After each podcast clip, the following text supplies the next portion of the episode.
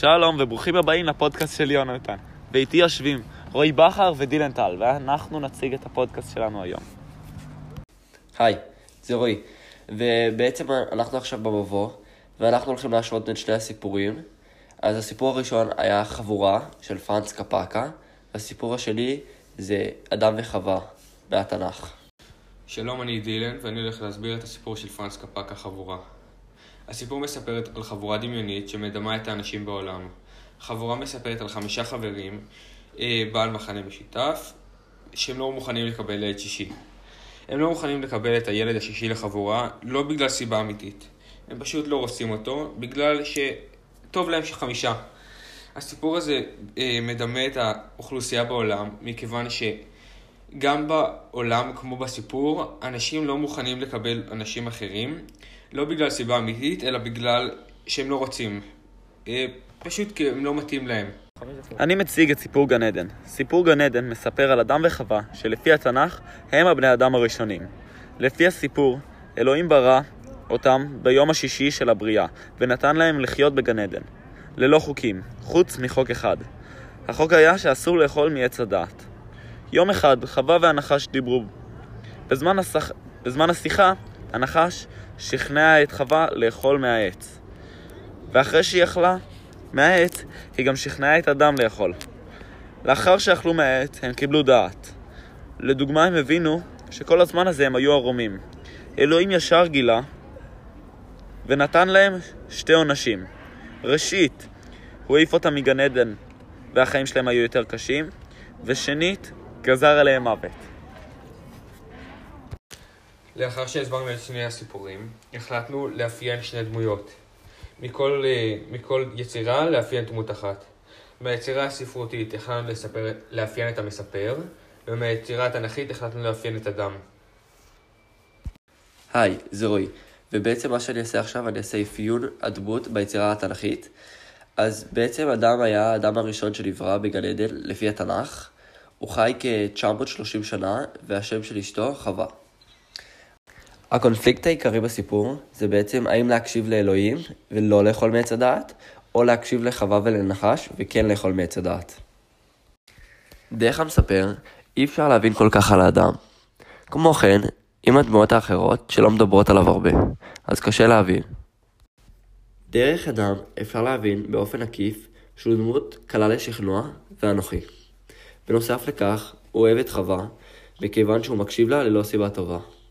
וזה בעצם האפיון הכללי על אדם.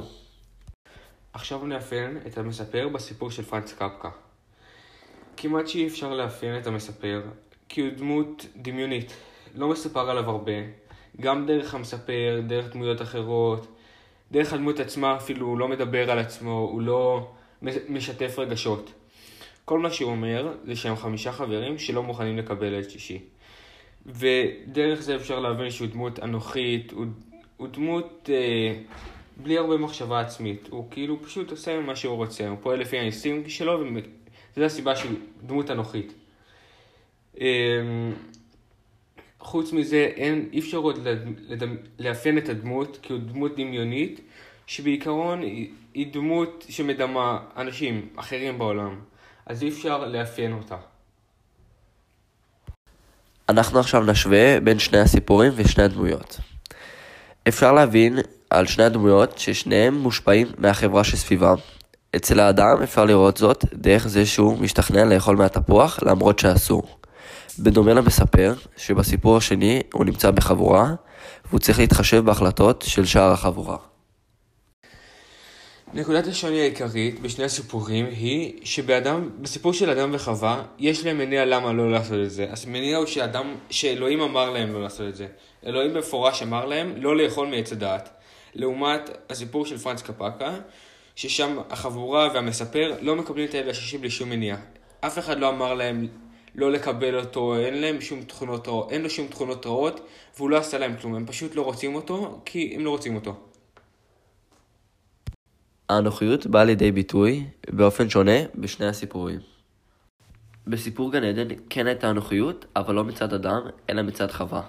לא נעמיק בזה, מפני שזאת לא הדמות שבחרנו. האנוכיות לא באה לידי ביטוי אצל אדם. הוא לא אנוכי, מכיוון שכל מה שהוא עשה זה להקשיב לאשתו ללא מחשבה מעמיקה. לפי דעתנו, אין פה שום דבר אנוכי. לעומת זאת, בסיפור של פרנץ קפקה, המספר כן אנוכי. אפשר לראות זאת דרך המעשים שלו, בכך שהוא לא מצרף את הילד השישי לחבורה, וחושב רק על עצמו ולא על הילד השישי. וזוהי המשמעות של אנוכיות. בסיפור יש רק נקודת דמיון אחת, וזה ההשלכות של המעשים שלהם. המעשים לא בהכרח, ההשלכות לא בהכרח דומות, אבל הן דומות לחלקה בכך שמי שנענש מהם. לדוגמה, בסיפור, ביצירה התנ"כית, אדם וחווה אלה שנענשו, וגם הנחש. אה, אדם וחווה גורשו מגן עדן ויכלו למות, זה העונש שלהם. ודומה בסיפור של, אה, של פרנס קפקה, מי שנענש זה היה הילד השישי. הוא שנענש ולא צורף לחבורה. התובנה שגיבשנו היא שבכל מקום יש אנוכיות. אפשר לראות את זה דרך היצירה הספרותית. בכך שהסיפור הוא סיפור דמיוני המספר על בעיקרון כל חבורה כלשהי בעולם ועל האנשים שבה. על כך שהם לא מוכנים לקבל אנשים אחרים, לא בגלל סיבה אמיתית, אלא בגלל שהם פשוט לא רוצים, בגלל הנוחיות. אמ, אפשר לראות את זה גם בתנ"ך, אפשר לראות את זה אצל האישה בסיפור התנ"כי באדם וחווה. ובכללי אפשר להבין שבכל העולם יש אנוכ... אנוכיות.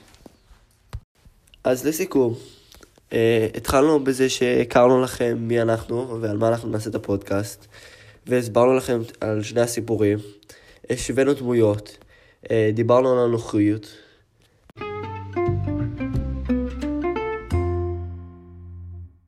ולסיכום, הגענו לתובנה, ונקווה שנהנתם.